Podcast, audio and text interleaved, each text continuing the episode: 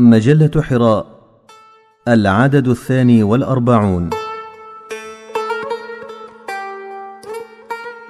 مداخل الإصلاح في العالم الإسلامي وتحدياته بقلم الدكتور أحمد قعلول.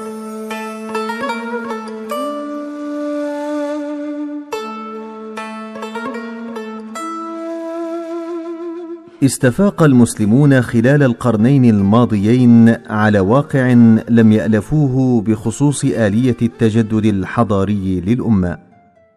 إذ ولأول مرة منذ ما يزيد على اثنتي عشرة قرنا انتبهت الأمة إلى كون عملية الإصلاح الداخلي لم تعد قضية إرادية وداخلية بل أصبحت مرتبطة برهانات خارجية. وذلك أنه برز عاملين جديدين في معادلة الإصلاح الداخلي يربكان الآلية الذاتية التي كانت تضمن التجدد الداخلي للأمة ولدوره الحضاري والإنساني.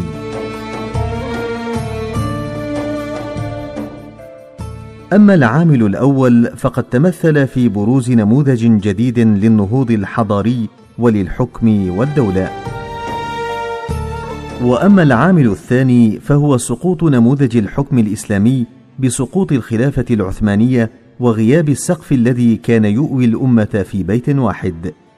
وقد أدى هذين الحدثين الهامين في تاريخ الأمة إلى إحداث شرخ كبير بين نخبها فانقسمت فسطاطين بخصوص رؤيتها لعملية النهوض واللحاق بركب الحضارة إذ رأى فريق أن حال الأمة لا ينصلح به آخرها إلا بما صلح به أولها بينما رأى الفريق الثاني أنه لا أمل في الأمة إلا بأن تتبع خطى النموذج الحضاري الغربي اتباعا فكريا وثقافيا ومسلكيا والا أمل في الموروث الحضاري.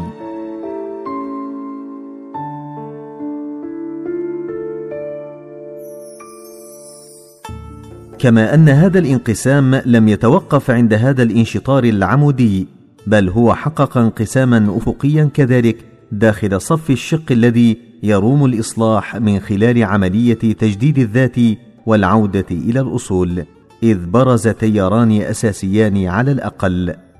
أحد هذين التيارين يسعى لتحقيق الهدف من خلال استعادة الحكم وبرفع شعار الدولة الإسلامية وذلك من خلال التنافس والسعي لركوب مركب الدولة القطرية الحديثة.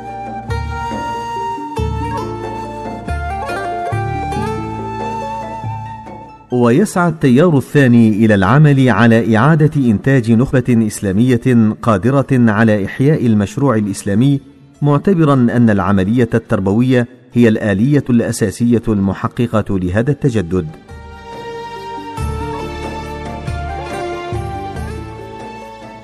وذلك أن المدرسة الإصلاحية قد نشأت في ظل دولة الخلافة فركزت جهدها على كيفية تجديد نخب الدولة والمجتمع بما يمكن العالم الإسلامي من الحفاظ على هويته الجماعية وعلى عطائه الحضاري. وقد أدى سقوط الخلافة إلى صعود شعار الحكومة الإسلامية في وجه الحكومة العلمانية التي جاءت كوريث عضوي للاحتلال المباشر وللهيمنة الغربية على العالم. وإذ دخل التيار الداعي للحكم الإسلامي في صراع وجود مع نخب الدولة الجديدة وجد التيار التربوي نفسه في مرمى عملية الاستئصال المنهجي الذي قامت به الدولة الجديدة.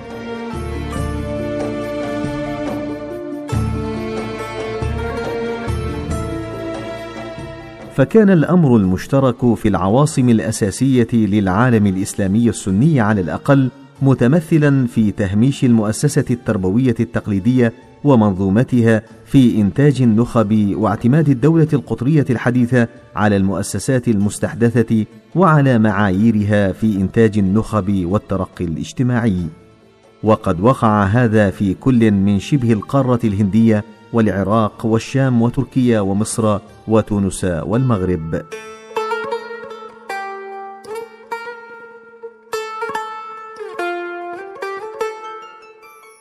لم يبق لهذا التيار من أثر معتبر إلا من خلال تجربتين مختلفتين من حيث درجة النجاح والاتساع.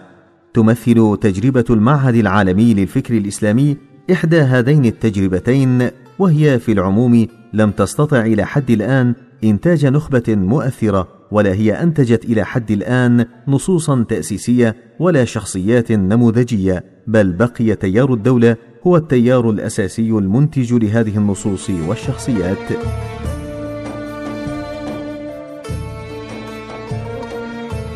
أما التجربة الثانية فهي تجربة فذة نشأت في قلب عاصمة العالم الإسلامي في تركيا وهي تجربة الخدمة. الخدمة نموذج إسلامي للنجاح. تمثل تجربة الخدمة أحد أهم تجارب الإصلاح الإسلامي وتكمن أهميتها في قدرتها على تحويل القيم الإسلامية الأصيلة إلى نموذج نجاح وإبهار وذلك من خلال قدرتها على إنتاج مؤسسات تعليمية وصحية ومالية ناجحة قادرة ليس فقط على منافسة مؤسسات الدولة الحديثة بل على التميز عليها ضمن مناخات وجغرافيات متعددة ومتنوعة. وهذا يعني أننا نقف هنا أمام نموذج جديد للنجاح والتميز وهو نموذج قادر على الجذب والإلهام.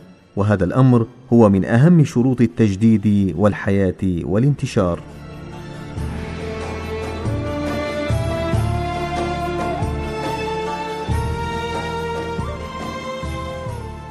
الأمر الثاني الذي تتميز به تجربة الخدمة هو كون هذه المؤسسات يقوم عليها أفراد عاديون والقصد هنا أنهم في مظهرهم ونمط حياتهم لا يشكلون طيفا مختلفا عن الإنسان العادي. فهم من أبناء الشعب لا يحملون مضمونا يمكن أن يرى فيه المجتمع حالة غريبة تساهم في تعطيل عملية التواصل معهم أو التشبه بهم ونقل تجربتهم وتكرارها.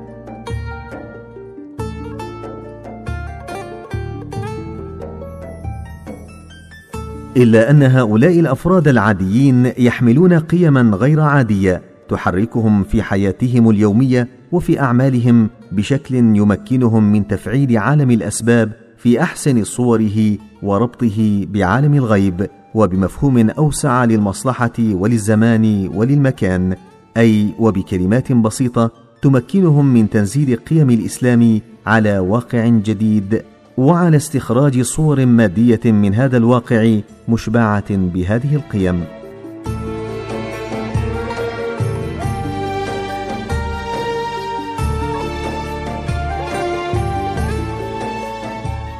تتوفر تجربة الخدمة على فاعل آخر مهم جدا وأساسي بالنسبة لأي تجربة وهي حضور الشخصية المؤسسة للتجربة أي الشيخ الأستاذ فتح الله جلان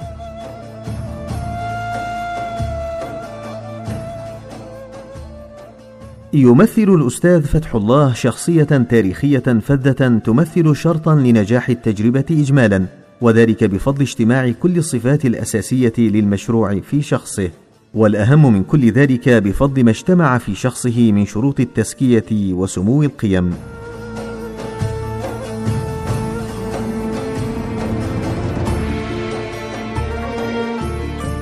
فالأستاذ فتح الله يمثل قيم التجربة في أحسن أحوالها بل ربما يكلف نفسه ما لا يكلفه غيره وهو ما يكسبه مصداقية قيمية وأخلاقية سامية تجعل منه مثالا يحتذى به وأسوة صادقة. وهذه النماذج من الشخصيات التاريخية هي نماذج فذة في التاريخ الإسلامي وفي تاريخ الشعوب وعادة ما توجد في مراحل التأسيس وكلما زاد سموها اتسع أفقها التاريخي ومدى تجربتها في التاريخ. الخدمة وامتحان الدولة الحديثة. تمثل تجربة الخدمة أحد أهم تجارب الإصلاح الإسلامي من حيث انتماؤها إلى النهج التربوي التجديدي. فهي التجربة الوحيدة إلى حد الآن التي صمدت ولم تقع في إغراء الدولة. وهذا خلافا لما انتهت إليه التجربة الهندية والعربية السنية على أن تجربة الخدمة التي عملت واجتهدت من أجل تجنب سؤال الدولة تجد نفسها اليوم أمام تحد حقيقي ربما يدفعها في نهاية الأمر إما لمواجهة مصير المدرسة الهندية والعربية أو إثبات تميزها التاريخي والمنهجي.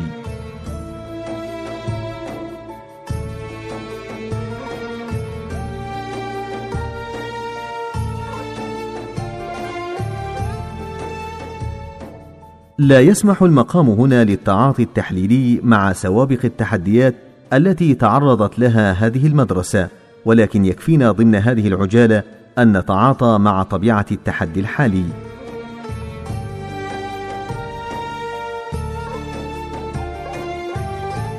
بغض النظر عن التفاصيل والتي يمكن أن تكون مهمة من حيث فهم مجريات الأحداث فإنه يمكن إرجاع التوتر الحاصل في تركيا اليوم بين تجربة الحكم الإسلامي وتجربة الخدمة بما هي التعبيرة النموذجية الوحيدة في العالم الإسلامي عن التيار التربوي في الأمة إلى أصول بنيوية تتجاوز طبيعة الأفراد والتأويلات المتعددة التي تبحث مكامن مكوث الشيطان. تمثل الخدمة من حيث جوهرها وبنيتها تحديا جوهريا لطبيعة الدولة الحديثة خاصة الدولة التي ورثت النموذج الفرنسي للحداثة.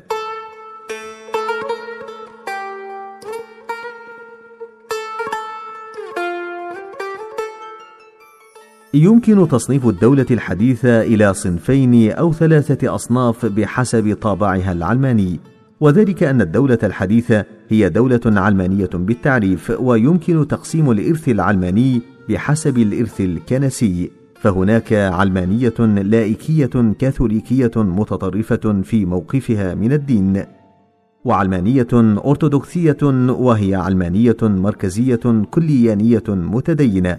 وهناك علمانية بروتستانتية وذلك أن الكنيسة الأوروبية التي واجهت أزمة وجودية انتهت وولدت هذه العلمانيات الكنسية الثلاث ومن أهم سمات الكنيسة الكاثوليكية والبروتستانتية احتكار التحدث بالحقيقة وفصل المقدس عن الدنيوي واعتبارها رجال الكنيسة النخبة المنفردة بالتقديس والقدسية وهذا على خلاف الكنيسة البروتستانتية التي جاءت في إطار عملية تجديد إحيائي للكنيسة أدخل فيها شيئا من الدنيوي ووزع بذلك مجال السلطة وعددها في مجتمع المتعبدين.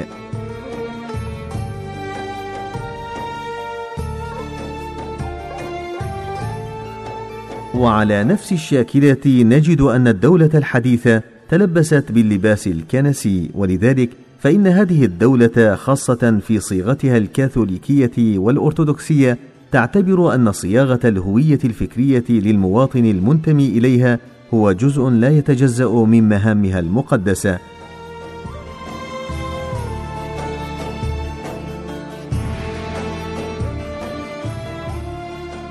فمن ممارسة الإكراه والعنف فإنها تحتكر إلى جانب ذلك شرعية القراءة والتأويل أي قراءة العالم وتأويله بل وتخيله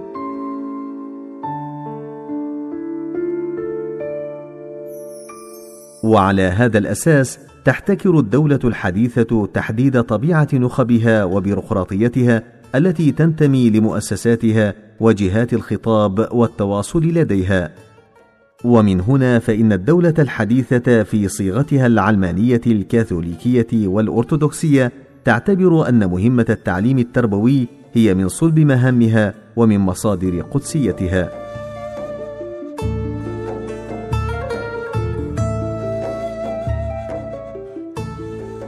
وهذا ما يفسر أن النخب التي أمسكت بعصم هذه الدولة انتهت إلى التلبس بلباسها العلماني خاصة إذا كانت هذه الدولة سليلة للإرث اللائكي الكاثوليكي أي نمط الدولة الفرنسية.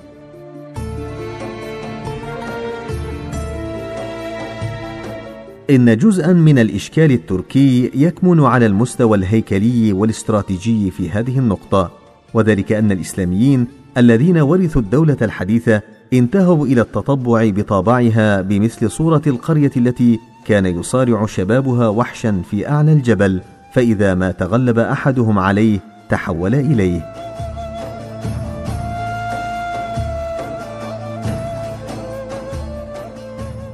من المهم التنبيه إلى أن هذا المأزق لا يخص تركيا فقط وإنما هو إشكال عام بكل الثوريين والتحرريين في العالم بما في ذلك الإسلاميون. إن الإشكال والتحدي لا يواجه الخدمة بقدر ما يواجه التيار الإسلامي الإصلاحي الذي انتهج مسار أخذ الدولة دون أن يعلم أن الدولة التي يسعى لاستعادتها ليست هي هذه الدولة التي افتقدها وأن هذه الدولة المستنبتة في العالم الإسلامي ليست وريثا للحكم الإسلامي وإنما للحكم المسيحي.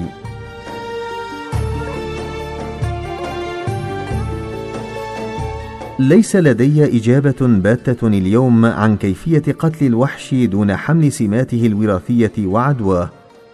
ولكن التحدي اليوم لا شك مطروح على الأمة وعلى جميع التيارات الإسلامية. وذلك أن المشروع الإسلامي هو مشروع للمجتمع والحكم وهو مشروع دولة لا محالة فهو مشروع صلاح فردي ونظام حياة.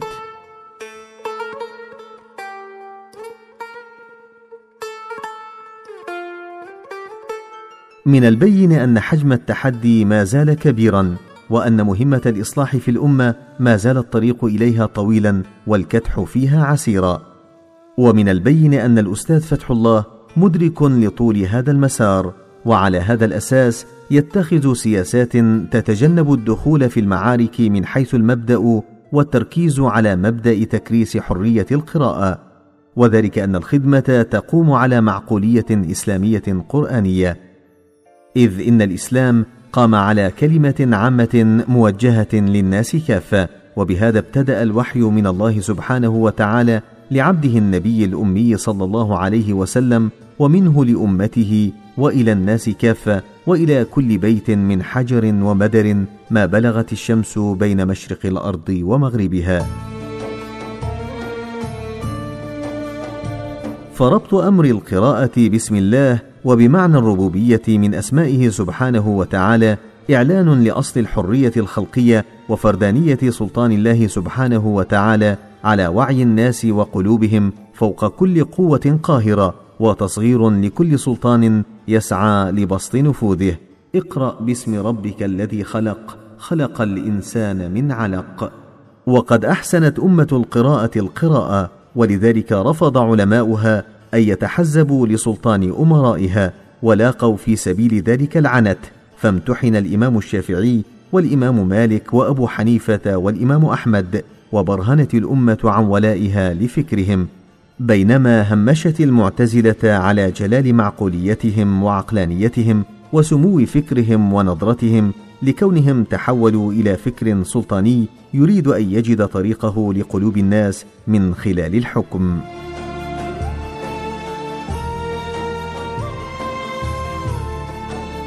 إن هذه الروح الإسلامية الأصيلة تقوم على أساس متين هو من أهم مقاصد الشريعة ألا وهو أصل الحرية المعبر عنه بعقيدة التوحيد توحيد الله وتوحيد ربوبيته فهو سبحانه وتعالى الخالق والرزاق وهو رب العالمين.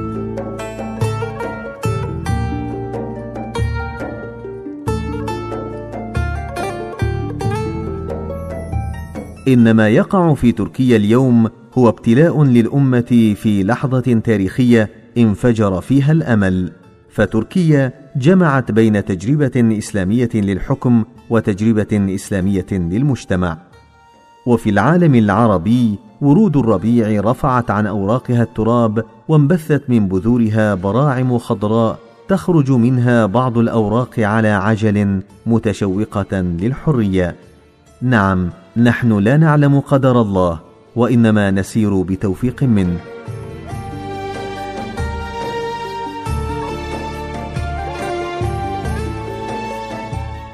انكسر منا الأمل في بلد الكنانة وحلمنا في الشام يقطر دما. ونعلم أن مصير بلاد الزيتون والقيروان في مهب ريح عاصف إلا برحمة الله. فلا نعلم هل يرسل الله إلينا عبده الصالح يرشدنا بما أرشد به عبده موسى الذي زاده الله بسطة في العلم والجسم.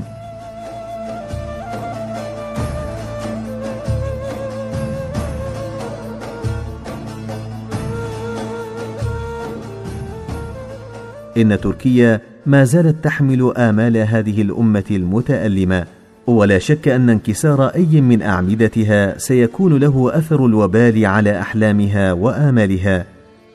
ولكن أي معنى للانتصار إن تحول شبابنا وقادتنا إلى وحوش كلما قتلوا وحش الجبل؟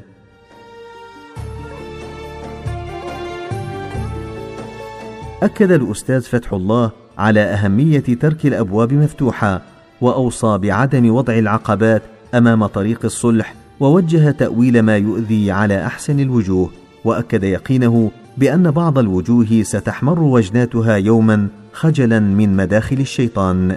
لا شك أن الصبر على الأذى هو من أخلاق الصالحين فالرجل يعلم أن الخيار الذي ينتهجه هو الخيار الصعب الذي سيغير أمواج القاع ويؤنس الوحش الرابض على قمة الجبل.